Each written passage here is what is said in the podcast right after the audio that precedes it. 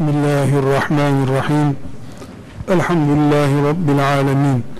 Ve sallallahu ve sellem ala seyyidina Muhammed ve ala alihi ve sahbihi ecma'in.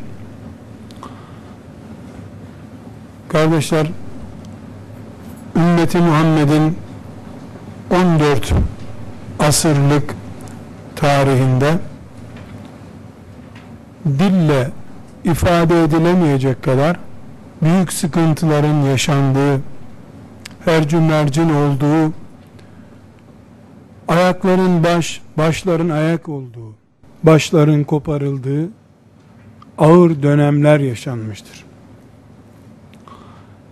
Ümmeti Muhammed'in yaşadığı en riskli dönem Resulullah sallallahu aleyhi ve sellem Efendimizin vefatından hemen sonraki günlerdir.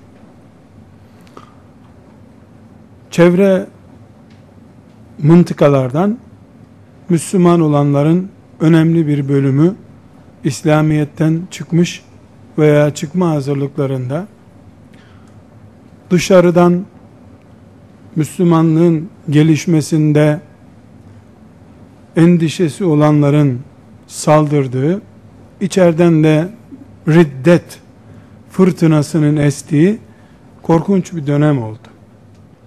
O dönemde Allah İslamiyete ecel yazmadı. Onun yerine Ebu Bekir ile Halid bin Velid'i gönderdi. Mezara girdi İslamiyet artık diye düşünülürken mezara gireceği zannedilen İslamiyet değil, İslam'ın çökmesi için hesap yapanları Halid bin Velid mezara koydu. Allah ondan razı olsun. O dönem ümmeti Muhammed'in karşılaştığı toplu afete dönüşmüş ilk dönemdir. Yaklaşık bir buçuk sene sürdü. Ama hepimiz hatırlarız. Ebu Bekir radıyallahu an ümmetin başı olarak Medine'de tek başına kalma tehlikesiyle karşılaştı. Müminler cihada gittiler. Mürtetlerin üzerine yürüdüler. Ebu Bekir'in tek başına Medine'de kalması söz konusu oldu. Ne dedi o zaman? Bu Medine'de kurtlarla tek başıma da kalsam Allah'ın dini galip olacak oturmayacağım dedi. Allah ondan da razı olsun. Ondan sonra epey inişler çıkışlar oldu iç huzursuzluklar, fitneler oldu. Ama o çapta Medine'ye İslam'ı gömecek çapta olay olmadı. Dördüncü asırdan sonra Avrupalılar İslam topraklarını yeniden ele geçirmek için hamle başlattılar. Efendimiz sallallahu aleyhi ve sellem'den yaklaşık 350-400 sene sonra. Biz tarih ilminde buna haçlı saldırıları diyoruz. Bütün Avrupa ülkeleri Hristiyanlık adına İslam topraklarına çullandılar. Lübnan, Suriye, Kudüs, bugünkü melun İsrail'in bulunduğu yerler, bir dönem Mısır, bu Haçlı sürülerinin işgal ettiği yerler oldu. Allah nasıl Peygamber aleyhisselam efendimizden sonra irtidat hareketine karşı Halid bin Velid'i Ebu Bekir Es-Sıddık radıyallahu anhumayı gönderdiyse ikinci Haçlıların saldırdığı o vahşet döneminde de iki insan gönderdi. Birisi Nureddin Zengi isimli Suriyeli bir Müslüman, öbürü de onun yeğeni Salahuddin Eyyubi'dir. Allah ikisinden de razı olsun. Rahmet eylesin. Nureddin Zengi çok yaşamadı. Şehadet şerbeti içti. Ama ektiği tohum Salahuddin büyük işler becerdi. Çöp sepetini varile boşaltır, boşaltır gibi Haçlıları denize attı. Haçlılar boğulmak Selahaddin'in ayakları altında ölmekten iyidir diye denize atladılar. Allah ondan razı olsun. Temizledi. Tam bir dezenfekte yaparak. Lakin Müslümanları birleştirdi. Mısır'dan, Libya'dan itibaren yukarı doğru Suriye'ye, bizim Antakya'ya gelinceye kadar olan bölgeyi e, Haçlılardan büyük oranda temizledi. Anlaşmayla sadece bir grup Haçlı e, tohum bıraktılar. Akka denen yerde hafif bir Haçlı grubu kaldı. Gerisini temiz. Onlar da eman dilediler. Yani ne istersen verelim, bizi öldürme dediler. Merhamete geldi, bıraktı onları. Fakat kardeşler, insanoğlu bu. Hatasızlık Allah'a mahsus. Masum olmak, günahtan, hatadan korunmuş olmak, Resulullah sallallahu aleyhi ve sellemin ve peygamberlerin işi. Kemal sıfatı yok insanın, masumluk özelliği yok. Allah her yaptığını doğru yapıyor. Hiç eksiksiz yapıyor. Fakat insan öyle değil. Salahaddin Eyyubi rahmetullahi aleyh ümmetin iç ve dış tehlikelerine karşı hayatı boyunca büyük bir mücadele yaptı. Tarihe yazıldı. Ebul Hasan en-Nedvi hocam Allah ona da rahmet eylesin. Selahaddin Eyyubi'den bahsederken diyor ki ashab-ı kiramdan 400 küsür sene sonra gelmiş bir insan. Diyor ki e, ben ashabı Salahaddin'i niçin seviyorsam e, ashabı Ebu Bekir'i niçin seviyorsam Salahaddin'i de onun için seviyorum diyor. Ashab olmasaydı bugün İslamiyet olmazdı. Salahaddin olmasa da bugün İslam olmazdı. Bu kadar değerli bir insan ölürken çok yanlış bir iş yaptı çocuklarına ve kardeşlerine valilik görevleri verdi. İşte Musul'a bir vali, Halep'e bir vali, Şam'a bir vali, Mısır'a bir vali, Libya'ya bir vali şeklinde onları tayin etti. Geniş yetkili eyalet valileri, valileri olarak onlar hem onun sağlığında hem de ölürken de e, direktifi üzerine Şah vefatından önceki dönemde direktifler verdiği için onun talimatıyla çocukları ve kardeşleri e, ümmeti Muhammed'in topraklarında ağır yetkili e, yöneticiler olarak kaldılar. Bunun görünürde hiçbir sakıncası yoktu. Ama Salahaddin'in ölümünden 10 sene sonra çocukları ve kardeşleri babalarının ve abilerinin cihatla kaldırdığı sancağın altında keyif sürmek istediler. Valiliği prensliğe ve beyliğe dönüştürdüler. Musul, Halep, Şam valileri, Selahaddin'in çocukları bunlar, kendi başlarına istiklallerini ilan ettiler. İnsanları haraca bağladılar. Mısır'daki Eyyubiler insanları haraca bağladılar.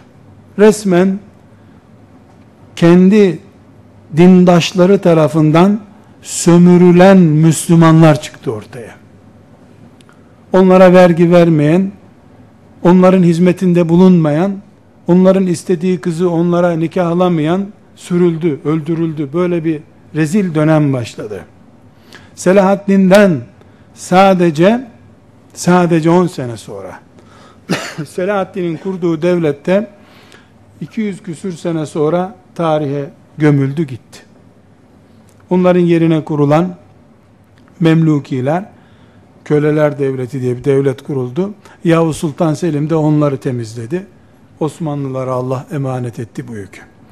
Konumuza geçmeden küçük bir dip notunu zihinlerimize yerleştirelim kardeşler. İnsan baki değil insan otoritesi de baki değil. Nasıl bir baba despot, astığı astık, kestiği kestik, gelinleri önünde cariye gibi dolaşıyorlar. İhtiyarlayınca kızım bir su verebilir misiniz diyor. Neredesin sen? Geçen sene böyle demiyordun. Ameliyat olduktan sonra senin neyin değişti? Tokat atma gücü bitince, Bağkur'dan emekli hale gelince, cici yavrum, cici kızım oldu, karısına hanım, sultanım ifadeleri başladı. İnsan budur. Bir insan üzerine kurulu otoriteden cemaat olmamalı. Vakıf olmamalı, dernek olmamalı. Şura üzerinden eksen ümmeti Muhammed'in ileri gelenleri etrafında dönmeli. Salahaddin rahmetullahi aleyh ashab-ı kiram gibi sahabi olmadı ama ashab-ı kiram düzeyinde iş yaptı. Ümmete büyük hizmetler yaptı. Gider ayak ağır bir hata yaptı. 10 yaşında 15 yaşında e, kafası taşımayan çocuklarını e, Halep valisi yaptı. Şam valisi yaptı. Yeğenini e, filan kasabaya eyalet yöneticisi olarak tayin etti. Onlar babalarının ve abilerinin forsunu kullandılar, gayretini kullanmadılar. Haçlılar Selahaddin'den iyi bir dayak yiyerek gitmişlerdi. Avrupa'da sokağa çıkamaz oldu Haçlı sürülerinden canını kurtaranlar. Ama o intikamı unutmayacakları da belliydi. Bizans, Sultan Fatih'in onlara attığı tokatın acısını unuttu mu? 575 sene oldu. Bizans'ı geri alma umudu Fener Patrikhanesi'nin hala var mı yok mu? Hala hesap yapıyorlar mı yapmıyorlar mı? Hala dönüm dönüm arsa almıyorlar mı İstanbul'da? Enayi misin 570 sene sonra sana kim İstanbul'u geri verir? Diyenler mi aldanacak? Böyle devam ederse onlar mı aldanacak? Akıl var mantık var. Nasıl Yahudiler 10 santim 10 santim 10 santim devlet kuracak kadar arazi aldılar. Sonra da tokatla Müslümanları oradan atıp bütününe el koydular. Aynı şey Selahaddin'den sonra Haçlıların o Selahaddin'den yedikleri tarihe mal olmuş darbeyi. Arslan yürekli Richard Selahaddin'in ayaklarını öptü. Avrupa kralları onunla görüşmek için yalvarıp yakarıyordu. O Selahaddin'in ayağını öptü hayatımı bağışla diye. Ama onu unutmadı. Ayak öptü. Memleketine dönünce Selahaddin'in intikamı ile nesil yetiştirdi. Selahaddin'in çocukları, Selahaddin'in cihadını ve himmetini, gece gündüzlük gayretini koruyamayınca, düşman da ciddi çalıştığı için Allah'ın kanunu geçerli oldu. Allah'ın kanunu nedir? Velev peygamber çocuğu ol. Oturursan çalışanın önünde seni rezil eder. Bu Allah'ın kanunudur. Mustafa Sabri Efendi son Şeyhül İslam'ımız biliyorsunuz. Ümmeti Muhammed'in adına hicrete zorlanmış mücahit, muvahhid, alim, müttaki bir insandır. Rahmetullahi aleyh. Diyor ki sistemli olan batıl sistemsiz hakkı ezer diyor. Kural bu Allah'ın kuralıdır. Haksan hak olmanın gereği çalışacaksın. Gayret edeceksin. Selahaddin'in çocukları, yeğenleri ve kardeşleri Selahaddin'in mirasını yemek istediler. O miras 10 sene dayandı. Hazıra dağlarda dayanmıyor. Selahaddin ölürken askerlere verdiği bir maaş kadar da bir harçlık çıkmadı üzerinden. Sıfır bütçeyle öldü. Kuruş götürmedi ahirete. Çocukları altın tabaklarda yemek yedi. Yüzlerce cariyeyi hizmetçi olarak kullandılar. Selahaddin kardeşlerim diye alimlere, ümmetin ileri gelenlerine hürmet etti, saygı gösterdi. Onlar alimlere el öptürmek istediler. Allah da kanununu işletti ve o şanlı şöhretli Selahaddin'in çocukları Haçlıların elinde maskara oldu. O kadar ki üç gün daha fazla Halep'te, daha fazla Suriye'de, Şam'da ve Mısır'da kalabilmek için Haçlıları çağırdılar. Gel ortak olalım diye 150 sene önce babalarının e, denize döktüğü Haçlı sürülerini davetiye ile Suriye'ye çağırdılar. Salih İsmail denen e, aklı kıt ne olduğu belli olmayan ama sakallı, sarıklı işte Şam eyalet valisi Şam'da istiklalini ilan etmiş Haçlıları çağırıp Şam'daki bütün silahlar sizin olsun. Yeter ki diğer eyaletlere, diğer Müslümanların saldırılarına karşı beni koruyun diye davetiye gönderdi. Onlar da geldiler. Memnuniyetle ne demek canım dediler. Aldılar önce onu temizlediler. Her zaman olduğu gibi. Bu dönemde kardeşler işte facia nasıl tasvir edebilmemiz için bugünkü Afganistan'ı veya Irak'ı düşünün. Bütün İslam alemine yayın onu. Hicretin 6. ve 7. asrında İslam aleminin genel durumu buydu. Allah e, onları da e, bizi de cennetinde cem eylesin. Ama o zamanki Müslümanlar çok perişan durumdaydılar. Kimseyi tenkit etme hakkına da sahip değiliz. Şimdi de Irak'ta perişanlık var. Afganistan'da perişanlık var. Ne yapabiliyoruz ki? Haberlerini dinliyoruz sadece. O zaman da Salih İsmail Şam'ı satarken Halep'tekiler o haberi izliyorlardı sadece. Yapacak hiçbir şey yoktu. Bu bir. İkinci mesele 6. ve 7. asır İslam alimlerinin yüzde otuzundan fazlasının yetiştiği asırdır. Şimdi yüzde otuz iki asırda, yüzde yetmiş de on iki asırda. Düşünün ne kadar alim yetişmiş. Binlerce, on binlerce alim yetişmiş. Çünkü ta eski dönemlerden itibaren medreseler kurulmaya başlanmış. Bağdat'ta on binlerce insan icazet alıp alimlik vasfı kazanıyor her sene. Şam aynı şekilde ashab-ı kiramın çocuklarından itibaren alim yetiştiriyor. Çok fazla alim var. Ama yöneticilerin önünde ses çıkaran, tayin edilmekten korkmayan, maaşının kesilmesinden endişe etmeyen alim yok. Senin karın boş mudur, dolu mudur? O konuda her istediğin fetva veriliyor. Salih İsmail Şam'ı sattı ne diyorsun deyince ses yok. Tıpkı şimdiki gibi. Resulullah sallallahu aleyhi ve sellemin çok evliliğiyle ilgili. Hazreti Ali'nin Hazreti Muaviye ile tartışması ile ilgili herkes televizyonlarda ahkam kesiyor. Bu ülkenin tapusu, demiri, çivisi yabancılara gitti. Allah buna ne der diye televizyonda demeç veren birine rastladık mı? Çıkıyorlar televizyonlarda Peygamber aleyhisselamın Efendimizin ve ashab-ı kiramdan bazılarının ölümüyle ilgili duygusal sahneleri ağlayarak anlatıyorlar. Ne derin alim. Ağlatmak için alim. Efendi, peygamberin dini ölüyor. Bundan bir haberin var mı senin? Sen peygamberin vefatı ile ilgili sahneleri, duygusallıkları ağlayarak bana anlatıyorsun. Allah razı olsun. Peygamberin dini de gidiyor bu arada. Biri 1400 senelik bir ölüm, biri şu andaki ölüm vakası. Senin ilmin Müslümanlara matem tutturmak için mi? Müslümanlara acı acılarını hatırlatma ve bir kere daha tazeleme uzmanı mısın sen? Özellikleri ne alimlerin? Bana göre, bana göre, nesinde sana göre din olacak? Bana göre bu ayette Allah şöyle demek istedi. Ne biliyorsunuz ne demek istedi? Yani icat yapmak.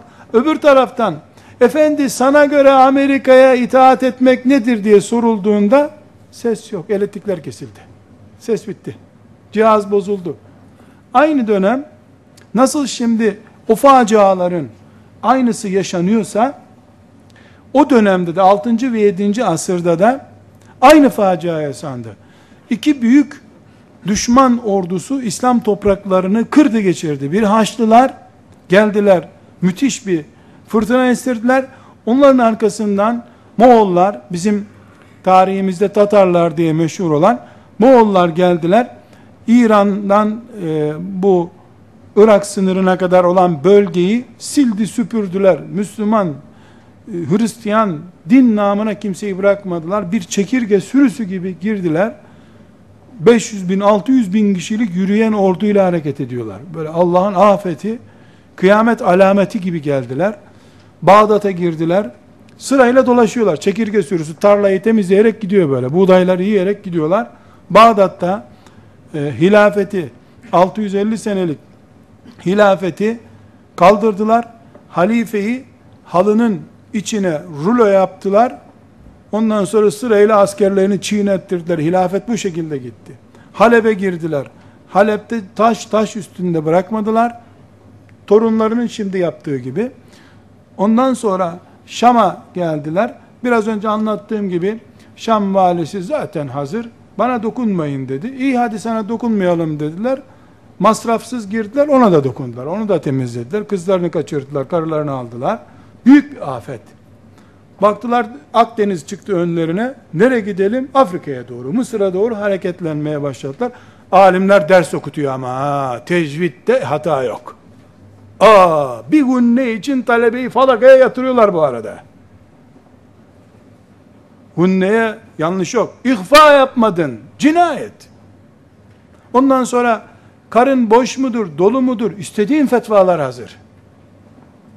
Cihat o askerlerin işi.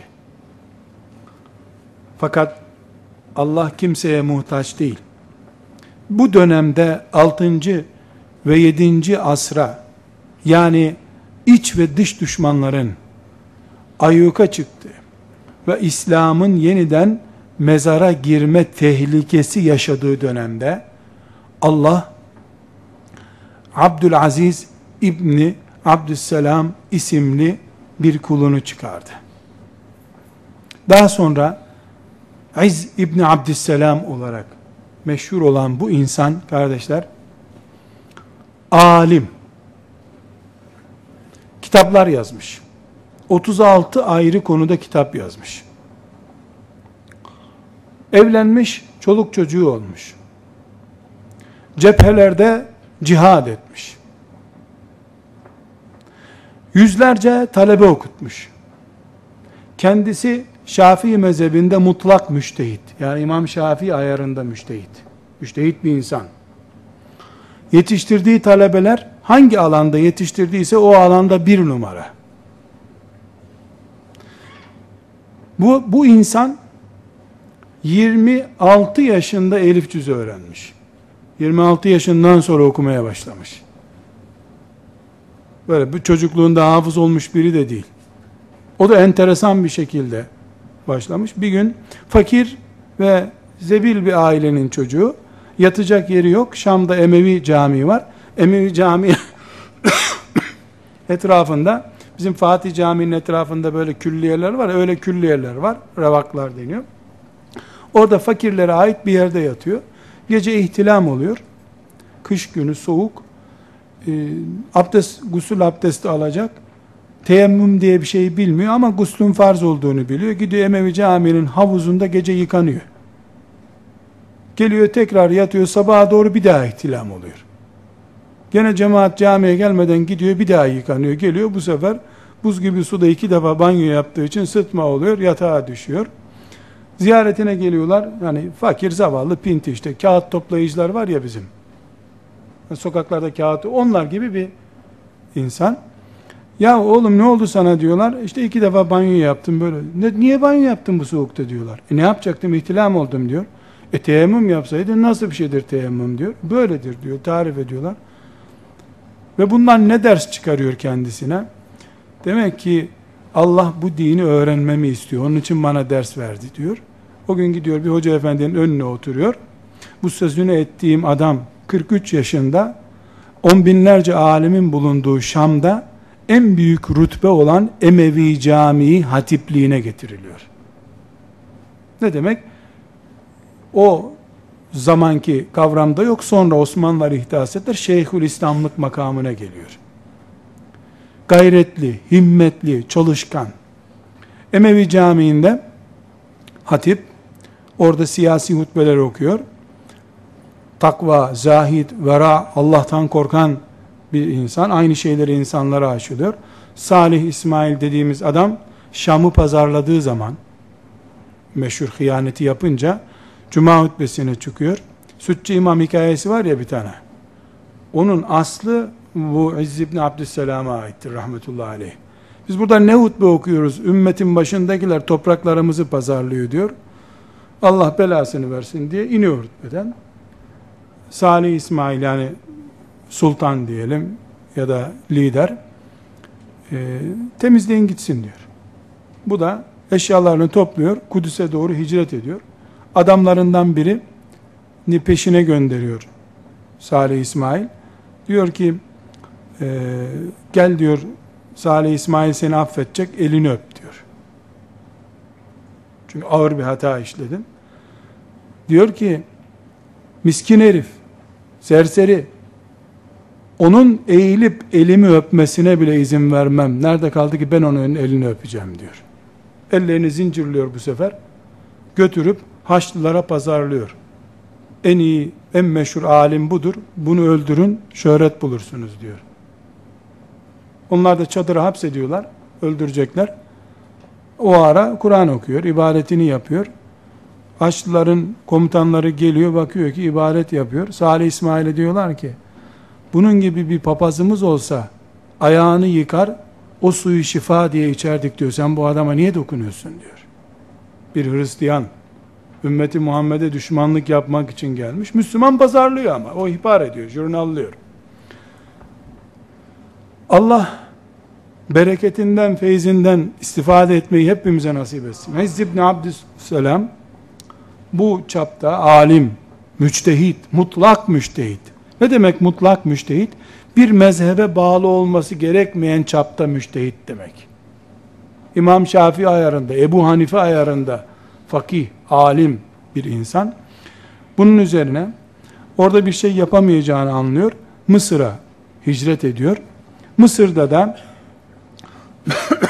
Sultan Kamil isimli bir başka var. O da aynı delden vuruyor. Orada büyük bir mücadele içine giriyor. Bir yandan talebe yetiştiriyor. Öbür yandan geçimini temin edecek bir iş yapıyor. Öbür yandan da günlük olayları izliyor. Günlük yorumlar yapıyor. Kısa bir zamanda Mısır halkı Ezz ibn Abdüsselam'a sahip çıkıyor. Onu bağırlarına basıyorlar. Halkın teveccühünü görünce sultan, kral Kadılı Kudatlık makamına getiriyor bunu.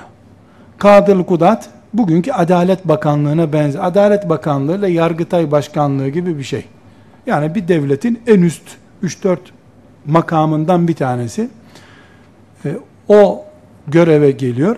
İki sene sonra da sultan istediği şekilde tayin yapmadığı için işte filan kadıyı filan şehre tayin et diyor. İmtihan ettim diyor. O iyi Kur'an okuyamıyor. Gidemez diyor.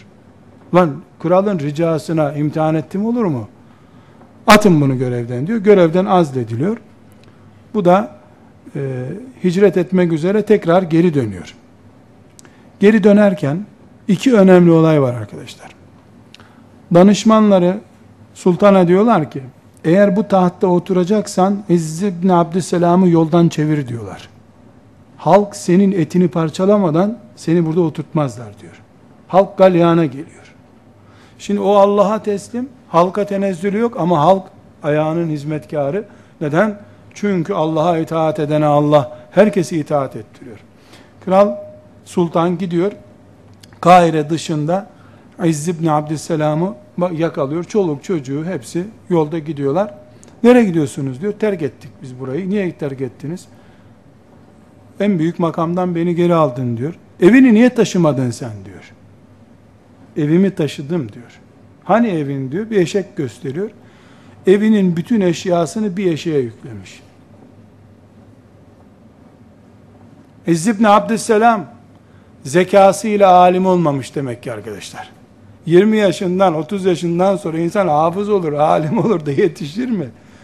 Nasıl yetişmiş? İki yıl bir devletin kraldan sonraki en üst makamlarından birisinde duracaksın. Oradan maaş alacaksın. Ondan sonra taşınırken evindeki bütün eşya altı çocuk ve hanımın da yanında. Bütün eşyan bir eşeğin taşıyacağı kadar olacak. Dünyaya bu kadar az tenezzül edenle emekliliğime az kaldı, biraz daha sabır, hutbelere dikkat edeyim diyen arasındaki farkı görmemiz için bunu konuşuyoruz. İzz Abdüsselam'ı bin bir rica ile talebeleri işte filan kitap yarım kaldı hocam ne olursun Allah için gel kitapları bitirelim filan diye kandırıp geri getiriyorlar. Bir daha o göreve dönmüyor. Cevap olarak diyor ki bir mümin azledildiği yere dönmez diyor. Ya hakla azledildik biz, hakka karşı gelemeyiz. Ya da haksız yere azledildik, haksızlığa yalvararak hak sahibi olunulmaz diye bir çıkışı var. Rahmetullahi aleyh. İzz ibn Abdüsselam, ümmeti Muhammed'in onurlarından arkadaşlar. Resulullah sallallahu aleyhi ve sellemin en şerefli mirasçılarından. Sözü dinlenmiş. Hayatında talebeleri çok sevilen biri olduğu için nerede abdest aldı ne yaptı bilinen birisi. Talebeleri bir sözü iki defa söylediğini duymamışlar. 83 sene yaşamış. Bunun 25-26 senesi amelelik yaptığı yıllar. Geri kalan 60 seneye yakın zamanda iki kere bir söz söylememiş. Ne dediyse krallarla konuşmuş, ikilenmemiş sözü. Bu biraz önce sözünü ettiğim e, Haçlı sürüleri Mısır'a doğru gemilerle yönelmişler. Bir yandan da Lübnan'dan e, Mısır üzerine geliyorlar.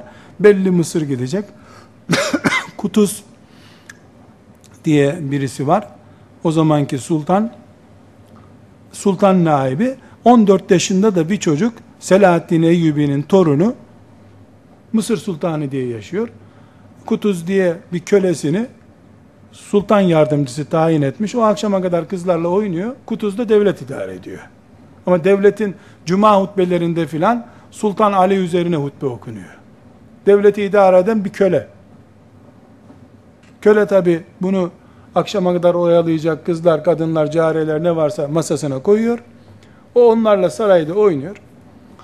Fakat durum tehlikeli. Haçlılara karşı e, aya, ayakta durma imkanı da yok. Depdebe içerisinde e, yaşıyor. Mısır halkı ise sefalet içinde yaşıyor. Yani krallar bir alemde, saray bir alem, e, halk başka bir alemde. İşte bütün alimlerin katıldığı bir harp meclisi kuruluyor. O harp meclisinde e, Kutuz var ve Sultan Ali var. 14 yaşında. Sultan Ali. 14 yaşında. Bizde de benzeri var. Yani bizde de bir benzeri var biliyorsun. Bizde de Hürrem sultanlar var. Bizimkiler de böyle 14 yaşında çocukların yerine karılara mahkum ettiler ümmeti Muhammed'i. Hata hatadır. Kim yaparsa yapsın bunu. İzz ibn Abdüsselam da halktan birisi olarak ayağa kalkıyor. Konuşmalar oluyor. Herkes işte bir şeyler söylüyor. Fakat herkes konuştuğunun boş olduğunu anlıyor. İşte Kutuz açıklama yapıyor. Naibi sultan olarak. Efendim şöyle saldırılar var. Hepimizin seferberlik yapması, mal vesairemizi fedakarlık yapmamız lazım. Halka vergi koymamız lazım diyor. Aşağı yukarı bir yüz bin kişilik ordu hazırlayacak. Onu doyuracak gıdası yok. Halka vergi koyacak. Herkes tabi uygundur Allah'ın emri cihat. Klasik tavırlar. Bayramlarda yapılan konuşmalar hep. Orada da yapılıyor. İzz ibn Abdüsselam ayağa kalkıyor. Kutuz diye konuşuyor. Kutuz. Kutuz dediği devlet başkan yardımcısı. Bir, şu çocuğu atın, çocuklarla oynasın, buraya bir tane ümmeti Muhammed'in başına bir erkek adam getirin diyor. İstersen sen ol diyor. Allah çoluk çocuk olduğumuzu görmesin diyor. Bir. iki, halka vergi koyun ama bir şartla diyor. Sizin karılarınız, kızlarınız, hizmetçilerinizin küpeleri olmayacak. Kılıçlarınızın üstünde altın oymalar olmayacak. Siz sadece yiyeceğiniz ekmeğiniz ve içeceğiniz sularınız kadar yanınızda değerli eşya kalsın. Siz sarayı boşaltın, halka istediğiniz vergiyi koyun demiş. İzz ibn Abdüsselam konuştu, iş bitti. Son karar bu. Oradaki alimler tabi efendim bu da uygundur oldu. Biraz önce öbürü uygundu, şimdi bu uygun oldu. Baktılar olacak gibi değil. Zira o toplantıdan, harp meclisinden İzz ibn Abdüsselam'ın dediğine aykırı bir şey yaptı Kutuz dense Kutuz gidecek bu sefer. Halk, devlet kimse tanımıyor. Halkın tanıdığı İzz ibn Abdüsselam bir alim biliyor. Allah dostu biliyorlar. Neticede İzz ibn Abdüsselam'ın sözü üzerine 14 yaşında çocuğu oyuncak bahçesine atıyorlar. Ee, Kutuz Mısır Sultanı oluyor. Sultanın ilk talimatı e, ordu üst kademesinde görev yapan devlet bürokratlarının evlerinde altın, gümüş, mücevher hiçbir şey kalmayacak. Hazineye iade edilecek hepsi. Hepsi yalın ayak kalıyorlar. Karıları küpesiz. Kendi kın, kılıçlarındaki süsleri bile kuyumculara götürüp satmak zorunda kalıyorlar. Bir saat içerisinde devlet yönetimini değiştirdi. Bir saat içerisinde. Alavara dalavara ile değil, ayağa kalkarak. Gizli örgütle filan vesaireyle değil. Konuşarak. Bir gün içerisinde yüzlerce bürokratın, binlerce askerin mücevherlerine el koydu. Devletin bütçesini iade etti. Hiçbir resmi görevi de yok. Kahire'de bir hoca efendi. Sonra Kutuz çağırdı. Dedi ki askerlerin, komutanların, bürokratların hiçbirisinde bir gram altın bile yok artık dedi. Şimdi bütçen açıksa vatandaşlardan vergi alabilirsin dedi. Çok az bir vergi kondu. Büyük bir ordu kuruldu Kahire'de. Ordunun hareketinden önce sultan başta, bu da sultanın yanında, kılıcı belinde 81 yaşında arkadaşlar. 81 yaşında. Bir taşın üzerine çıktı. Orduda konuşma yapıyor.